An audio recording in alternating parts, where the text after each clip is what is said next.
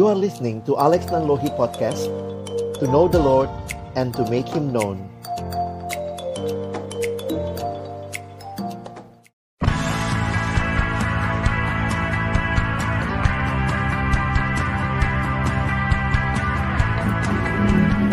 Ya, selamat malam uh, Bapak Ibu Saudara yang dikasihi dalam Tuhan Yesus Kristus. Tema kita malam hari ini adalah sebuah tema yang tentunya setiap kita perlu memahaminya, keluarga dalam rencana Allah. Saya menyiapkan satu PowerPoint presentation buat kita supaya kita bisa mengikutinya. Nah, Bapak Ibu Saudara yang dikasihi dalam Tuhan Yesus Kristus, bicara tentang keluarga, sadar atau tidak, kita melihat bahwa setiap orang memiliki keluarga. Tidak ada yang lahir dalam dunia ini tanpa keluarga. Nah, apa yang Tuhan rancangkan dengan kehadiran keluarga? Tentunya tidak ada yang kebetulan, termasuk keluarga yang Tuhan berikan kepada kita. Nah, saya ingin mengajak kita untuk melihat nanti, baik dari dasar firman Tuhan, maupun juga dari beberapa wawasan untuk kita juga nantinya bisa melihat tentang keluarga kita. Yang pertama yang kita perlu pahami bahwa keluarga menjadi komunitas yang penting dan intim di dalam perjalanan hidup setiap kita. Kenapa? Karena tidak ada seorang pun yang bisa menjalani hidup tanpa bantuan orang lain. Mulai dia dari dia lahir sampai dia meninggal. Dan ini menunjukkan bahwa keluarga memegang peranan yang penting. Tidak ada bayi yang begitu lahir langsung bisa beli susu sendiri ya. Sehingga membutuhkan pertolongan individu lainnya dan tentunya secara khusus keluarga.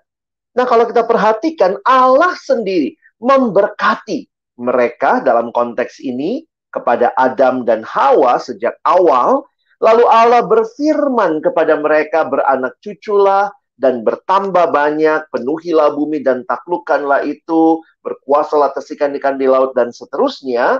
Di dalam kitab kejadian pasal 1 ayat yang ke-28. Jadi mari kita pahami bahwa sedari awal Tuhan yang memerintahkan manusia untuk beranak cucu dan bertambah banyak. Tuhan memerintahkan manusia untuk berkeluarga. Ada beberapa hal yang bisa kita pelajari dari firman, mengapa keluarga itu Tuhan hadirkan, ya. Nah, ada banyak alasan tentunya yang kita bisa pelajari dari berbagai bagian firman. Saya mengajak kita memikirkan hari ini ada dua hal yang perlu kita pahami untuk hal ini. Yang pertama, maka kita perlu menghayati Tuhan memakai keluarga untuk membentuk umatnya. Nah, Bapak Ibu Saudara yang dikasihi Tuhan, Tuhan sendiri yang memberikan keluarga. Dan apa tujuannya? Salah satu yang menarik adalah untuk membentuk kita umatnya. Perhatikan di dalam ulangan pasal 6 ayat 6 sampai 9, saya mengutip tidak semuanya di sini apa yang telah kuperintahkan kepadamu pada hari ini. Haruslah engkau mengajarkannya berulang-ulang kepada anak-anakmu. Bagaimana Tuhan membangun umatnya melalui keluarga, di mana orang tua punya tanggung jawab mengajarkan berulang-ulang kepada anak-anak. Jadi kalau kita perhatikan umat Tuhan itu adalah kumpulan dari keluarga-keluarga yang Tuhan hadirkan.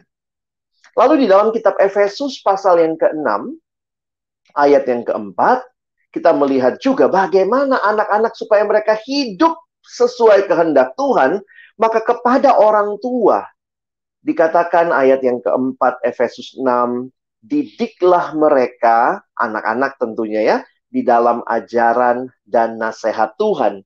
Jadi kalau Bapak Ibu Saudara memperhatikan bahwa Tuhan mendesain keluarga sebagai relasi yang membangun pengenalan akan Tuhan dan fokus atau berfokus pada anggota lain. Jadi di sini jadi menarik ya, bukan berfokus pada diri sendiri saja, not self oriented tetapi other oriented. Sehingga kalau ditanya ya, kenapa Tuhan sedang atau Tuhan menghadirkan keluarga, kita bisa menjawabnya bahwa Tuhan membangun umatnya, membentuk kita melalui kehadiran keluarga yang dia berikan. Di mana ada orang tua, ada anak, dan ini terkait satu sama lain, bukan fokus pada diri, tetapi fokus kepada Allah dan juga sesama. Nah ini alasan yang pertama. Nah, alasan yang kedua yang saya mau angkat malam ini dari begitu banyak alasan mengapa Tuhan menghadirkan keluarga, Tuhan menghargai keberadaan keluarga bagi umatnya ya. Nah, kalau kalau Bapak Ibu Saudara memperhatikan, maka ini bukan hanya sesuatu yang yang Tuhan desain begitu rupa, tetapi Tuhan juga menghargai keberadaan keluarga bagi umatnya. Coba kita perhatikan contohnya ya. Tuhan menyatakan relasi antara dirinya dengan kita umatnya dalam relasi yang kekeluargaan. Jadi ketika kita misalnya mengenal siapa Allah kita, Yesus menyebut Allah di sorga sebagai Bapa. Karena itu kita juga ketika berdoa, Yesus mengajarkan, katakanlah Bapa kami yang di sorga. Ini bahasa apa? Ini bahasa keluarga, Bapa. Lalu perhatikan yang kedua. Setiap orang yang percaya dalam nama Yesus disebut sebagai anak-anak Allah. Ini bahasa apa? Ini bahasa keluarga juga. Sehingga perhatikan lagi. Di dalam kasih Tuhan, Tuhan mengangkat kita. Kita diadopsi ya menjadi anak-anaknya. Nah, relasi Tuhan dengan kita itu relasi keluarga. Sehingga ini menolong kita menghayati begini. Bagaimana paling tidak kita punya image ya. Atau kita punya picture image. Seperti apa Allah itu? Ya seperti Bapa kepada anaknya. Bapa yang tentunya baik dan mengasihi anaknya. Jadi kalau Bapak Ibu Saudara memperhatikan, kita bisa simpulkan ada sesuatu yang luhur dan signifikan mengenai keluarga, khususnya relasi orang tua anak di mata Tuhan. Karena untuk memperkenalkan dirinya, Tuhan menggunakan gambaran keluarga antara dirinya dengan kita sebagai umatnya atau anak-anaknya. Sehingga saya pernah mengatakan kalimat begini Bapak Ibu sekalian ya, sebenarnya kalau keluarga itu hidup dengan baik saja, ada ayah yang baik, bertanggung jawab, ibu yang baik, yang mengasihi orang tua, yang mengasihi anak-anak, dan ada anak yang tunduk taat sama orang tua, maka sebenarnya relasi-relasi ini menolong anak-anak kita tidak jauh dari Tuhan. Karena ketika dikatakan seperti Allah adalah Bapa, maka dia mengalami dan sudah melihat bagaimana orang tuanya, bapaknya secara khusus kepada dirinya. Nah, sehingga kalau keluarga-keluarga Kristen boleh hidup dengan baik di dalam keluarga, tentunya tidak ada keluarga yang sempurna, tapi kita berjuang hidup dengan benar, hidup dengan baik, hidup dengan taat, maka sebenarnya keluarga kita tidak jauh dari Allah yang memang memperkenalkan dirinya dengan bahasa bahasa keluarga yang kita mengerti. Nah, sehingga Bapak Ibu Saudara sekalian, dua alasan ini menjadi satu hal yang menarik bahwa Allah sendiri yang merencanakan kehadiran keluarga, baik untuk membangun umatnya maupun juga untuk menyatakan keberadaannya. Nah, tapi di sisi lain kita lihat fakta berikut ini bahwa ternyata mengingat betapa berharganya dan pentingnya kehadiran sebuah keluarga, tidaklah mengejutkan kalau iblis menjadikan keluarga sebagai sasaran empuk. Sehingga kalau kita perhatikan kembali lagi ke kitab Kejadian yang mencatat awal mula segala sesuatu ketika dosa masuk si iblis pun menggoda dan menghancurkan relasi yang indah di dalam keluarga. Sehingga kita bisa melihat apa yang terjadi. Seorang suami menyudutkan istri atas kesalahan yang diperbuatnya sendiri. Kalau kita ingat ketika ditanya, Adam kau makan buah pohon itu, maka dia menyalahkan perempuan yang kau tempatkan di sisiku. Adam menyalahkan Allah dan juga istrinya. Padahal juga ketika istrinya memberi, dia juga makan ya.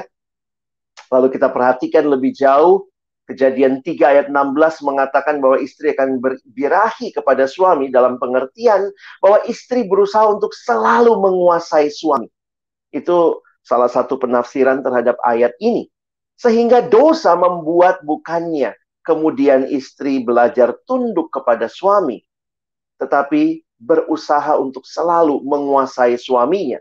Bahkan kejadian pasal yang keempat mencatat pembunuhan pertama seorang abang, seorang kakak, seorang koko tega bunuh adiknya sendiri. Nah, itulah yang dicatat dari kecemburuan antar saudara antara Kain dan Habel.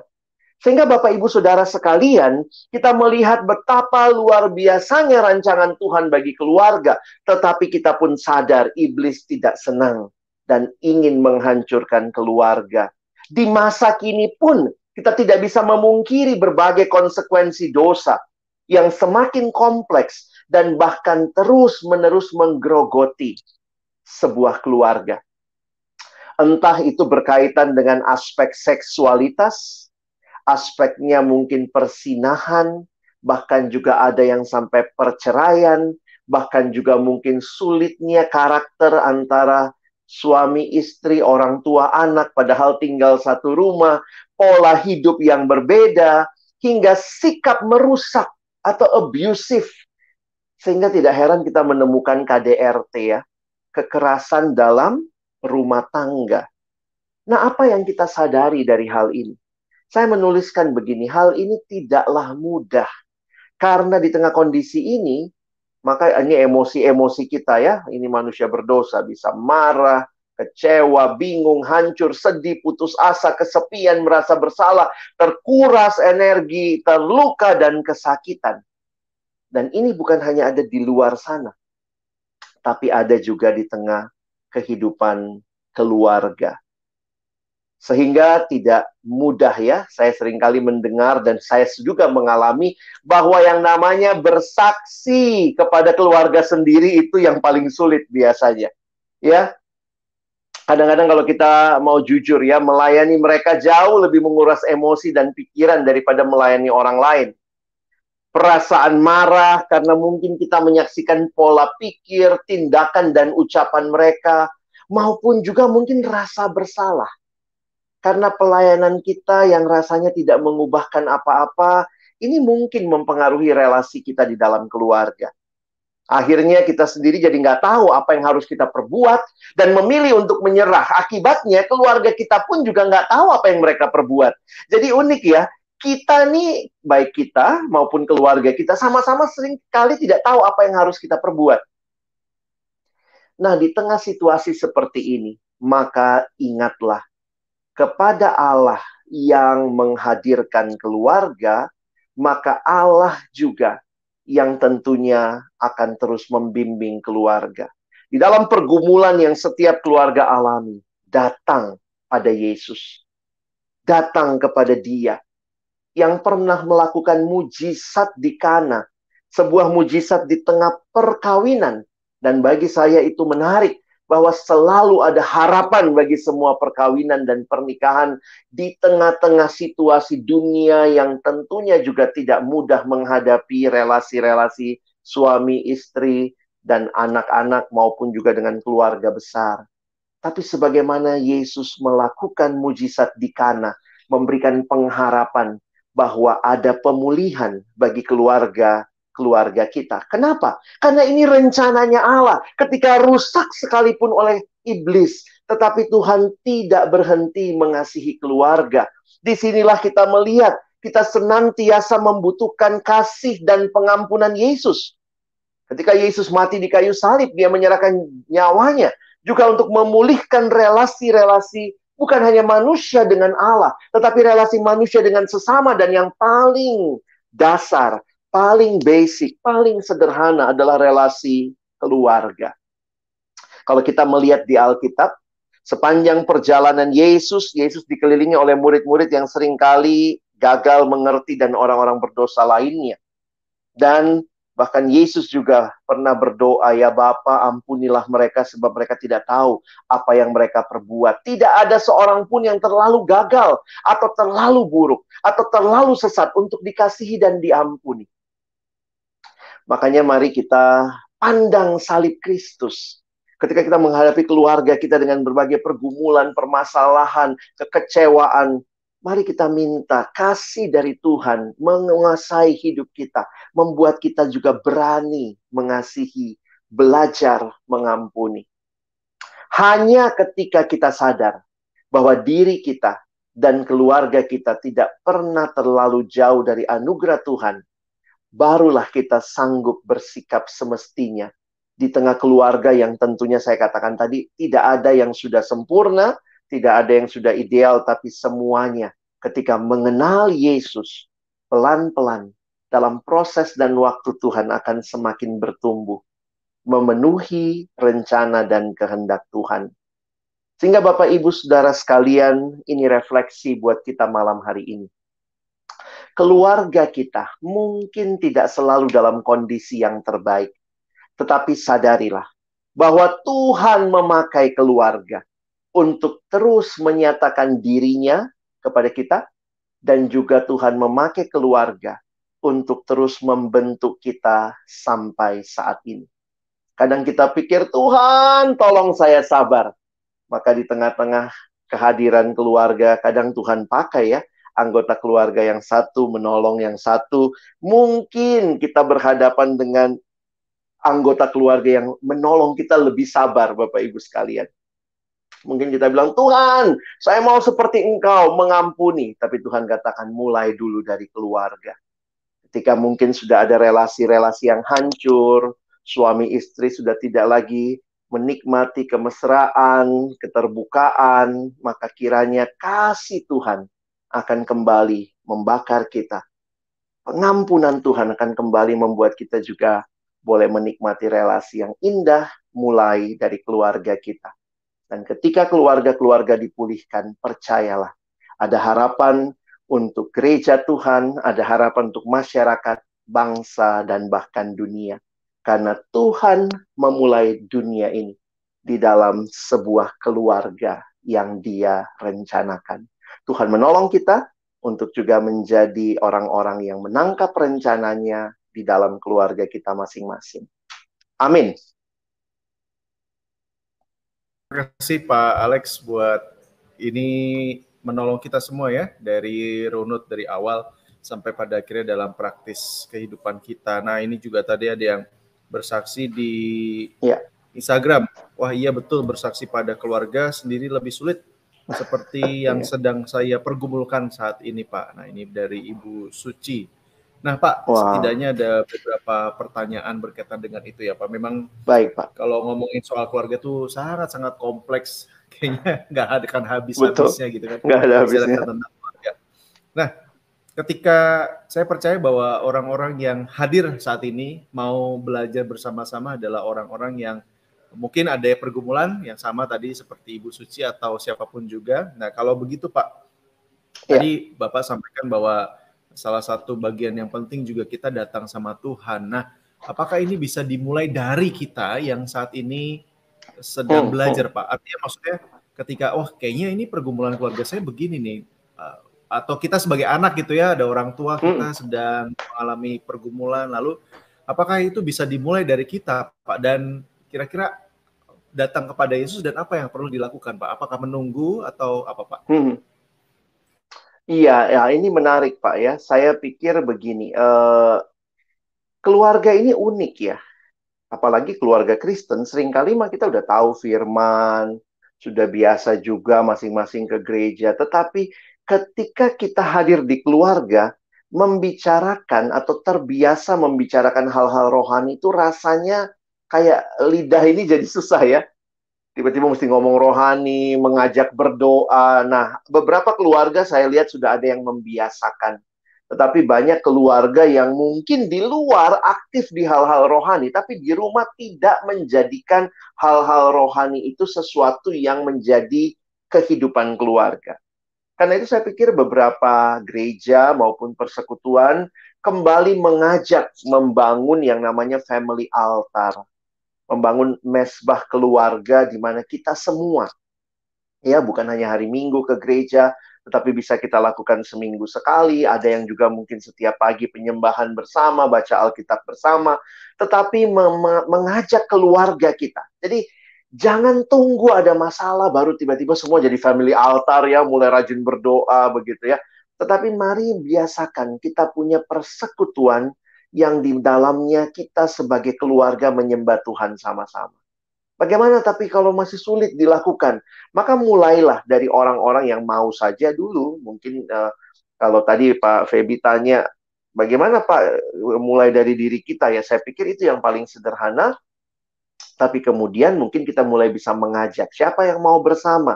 Mungkin orang tua, mungkin kakak beradik kita, pelan-pelan kita bawa suasana sorgawi itu juga di keluarga kita. Jadi ini bukan hal-hal yang baru ya Pak. Kadang-kadang ada yang pikir bagaimana tips and triknya menghadapi keluarga. Saya pikir semua kuncinya sebenarnya dalam relasi dengan Tuhan.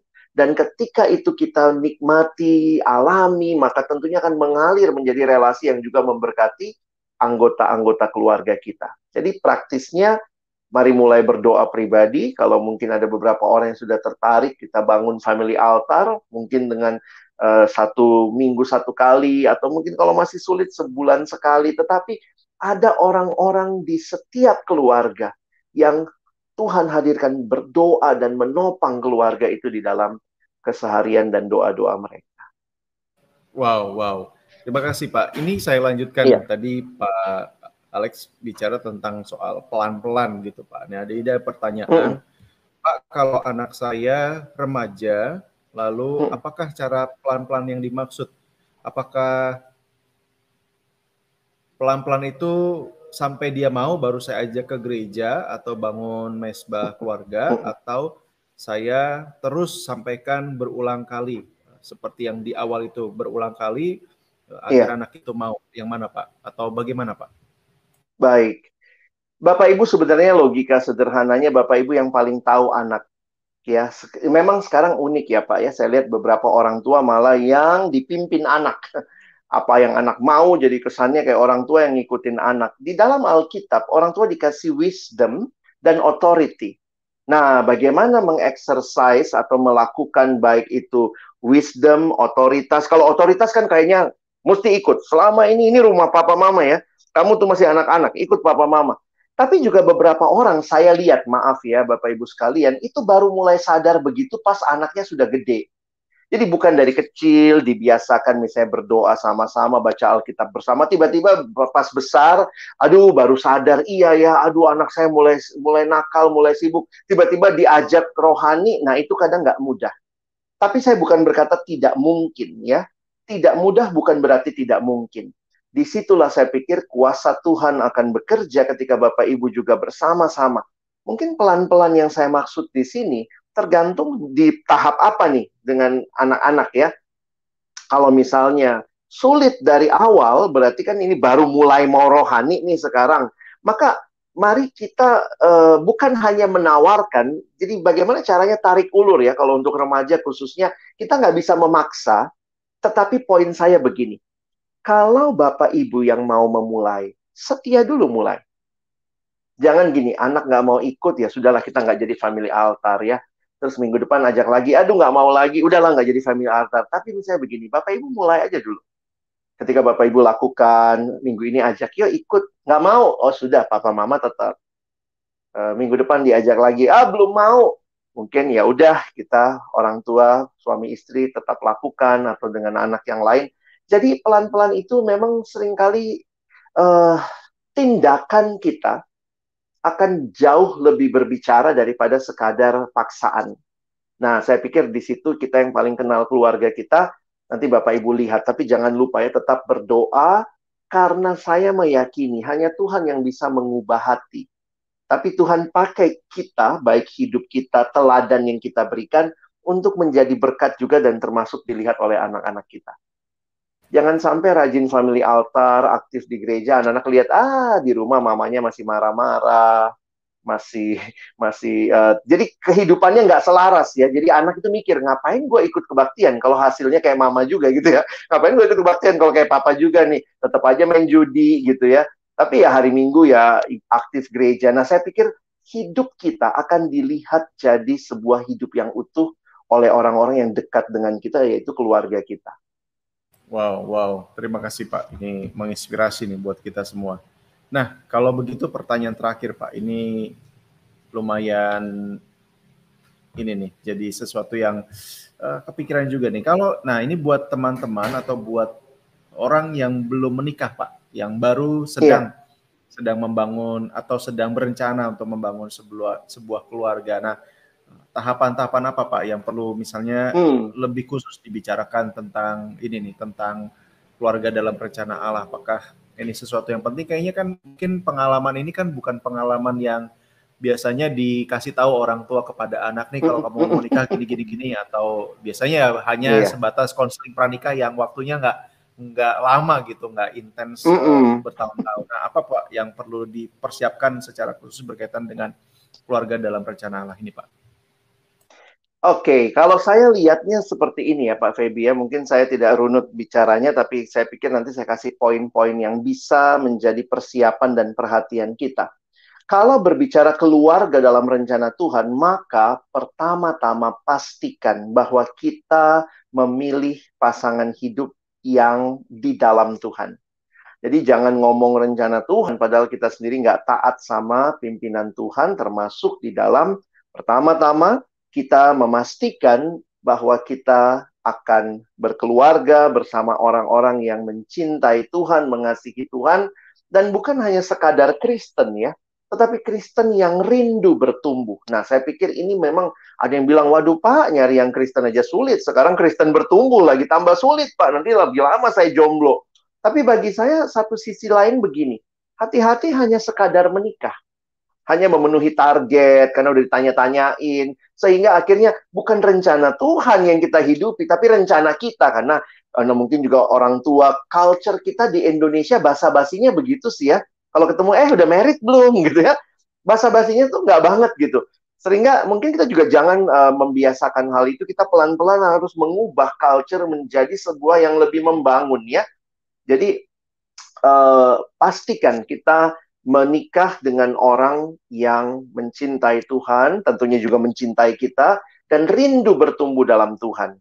Nah, maka kalau itu jelas, nah kita bisa melihat tuh hal-hal lain ya, pastikan juga kan nah, harus lawan jenis ya. Karena sekarang ada yang bilang nggak apa-apa menikah, yang penting uh, cinta Tuhan sama-sama, tapi sejenis nggak boleh begitu ya.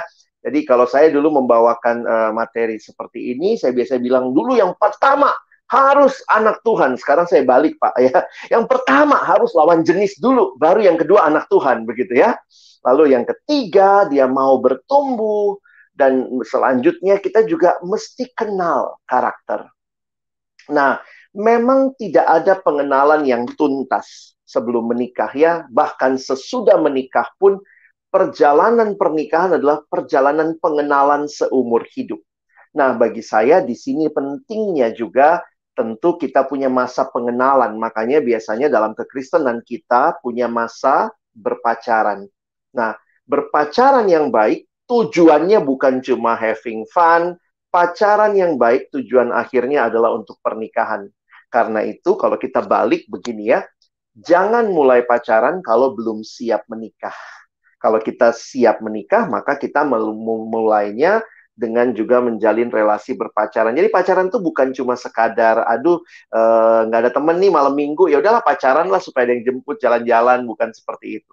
Nah, kalau hal-hal itu kita lewati, maka saya mau ingatkan yang terakhir, jangan lupa dukungan komunitas. Berarti setelah kita juga kadang-kadang kan kita mikir ini cuma pergumulan pribadi kita. Kadang-kadang kalau orang jatuh cinta itu matanya tuh sulit melihat kes kelemahan orang lain. Maka ketika kita membawanya ke dalam komunitas, baik itu kita perkenalkan kepada keluarga kita, kepada orang tua, kakak beradik kita, supaya juga mungkin bisa melihat sisi yang tidak kita lihat karena jatuh cinta yang sangat kuat. Bawalah juga ke gereja, bawalah ke tempat komunitas Bapak Ibu atau teman-teman uh, hadir supaya komunitas mengenal dan akan kita akan menikmati juga konfirmasi Allah melalui komunitas. Nah, jadi kalau ditanya ya tahapannya seperti itu ya saya pikir tetap pada awalnya pergumulan pribadi dengan Tuhan, tetapi pada akhirnya juga kita harus membangun kehidupan komunitas yang baik untuk meneguhkan apakah ini orang tepat. Memang pada akhirnya keputusannya di kita ya Pak. Jangan biarkan komunitas ambil keputusan untuk kita karena kita akan menjalaninya. Tetapi komunitas memberikan konfirmasi atas apa yang menjadi pilihan kita. Nah mungkin kalau secara praktis itu yang saya sarankan. Baik, baik. Terima kasih Pak. Ini masih berkaitan ya. Tadi kita berarti ini jangan melupakan atau kita punya keluarga rohani yang bisa ya. dan Tuhan pakai untuk menolong kita melihat hal-hal yang tadi Pak Alex sampaikan. Baik, terima kasih Pak Alex malam hari ini luar Sama-sama, biasa buat kita semua. Buat teman-teman yang baru saja bergabung dan baru setengah atau di seperempat atau di akhir baru mendengarkan, nanti silakan untuk mengulangnya kembali karena itu sesuatu ini sesuatu yang penting di awal tadi kita sampaikan bahwa buat orang yang sedang dalam pergumulan pernikahan atau yang berencana membangun keluarga, nah ini sesuatu yang juga sangat penting. Karena itu saya rindu Pak Alex boleh menolong kita Pak untuk Baik. menutup di dalam doa. Mari kita berdoa. Bapak Surgawi kami bersyukur kami punya Allah yang dalam anugerahmu, dalam rencanamu, menghadirkan keluarga, baik untuk membentuk kami, membentuk umatmu, bahkan membangun dunia ini. Terima kasih karena pengenalan akan Tuhan juga menolong kami dalam hidup rohani, makin mengenal Tuhan di dalam keluarga kami. Dan kami sungguh bersyukur kalau Tuhan menghadirkan di dalam berbagai ketidaksempurnaan keluarga kami. Tuhan hadirkan orang tua, saudara yang di dalamnya kami pun bisa juga belajar untuk mengenal satu sama lain. Di dalam keluarga kami juga bukan hanya mengenal Allah, tapi kami juga belajar mengasihi. Kami belajar mengampuni, kami belajar memberi nasihat, kami belajar menerima nasihat. Ini semua kami boleh alami di dalam keluarga. Tuhan ampuni kami yang sering kali tidak sabaran dengan keluarga kami sendiri karena mungkin kami mau semuanya segera berubah.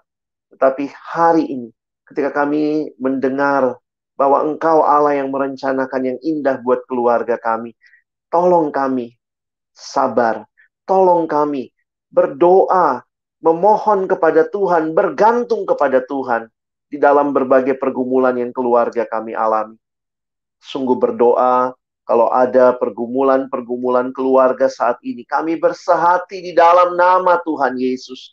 Pulihkanlah keluarga-keluarga yang mungkin sedang mengalami konflik, yang mengalami sakit hati, yang kehilangan kepercayaan satu sama lain, yang menaruh dendam satu sama lain. Tuhan, karya Kristus di salib yang sudah mengampuni dosa kami, biarlah membuat kami juga boleh mengampuni satu sama lain. Dan kiranya Kristus yang juga hadir di dalam keluarga, memberi teladan mengasihi keluarga, juga boleh kami ikuti sebagai orang-orang yang mengaku murid-muridmu, yang mengaku pengikut-pengikutmu. Terima kasih, kami sungguh berdoa buat keluarga kami masing-masing. Pakailah juga mesbah-mesbah keluarga, baik yang sudah ada maupun yang akan kami bangun, untuk menjadi fondasi kehidupan beriman kami bersama-sama sebagai keluarga. Terima kasih untuk Bara Digital Ministry yang terus boleh menjadi berkat bagi banyak yang mendengar. Kami berdoa kiranya Tuhan yang menolong semua pengurus yang juga melayani di dalam Bara Digital ini. Kami sekali lagi bersyukur menutup siaran malam hari ini dalam nama Tuhan Yesus kami sudah berdoa, bersyukur. Amin. Amin. Sekali lagi terima kasih untuk Pak Alex malam hari ini. Terima kasih buat teman-teman yang sudah bertanya dan memberikan komentar. Dan jangan lupa untuk terus subscribe Bara Jamisri, sebarkan video-video Bara supaya banyak orang juga diberkati. Saya Feby Timotius bersama dengan Pak Alex dan juga kerabat kawan-kawan yang sudah melayani bersama-sama mengundur undur diri, mengucapkan selamat malam Tuhan Yesus memberkati kita semua. Amin.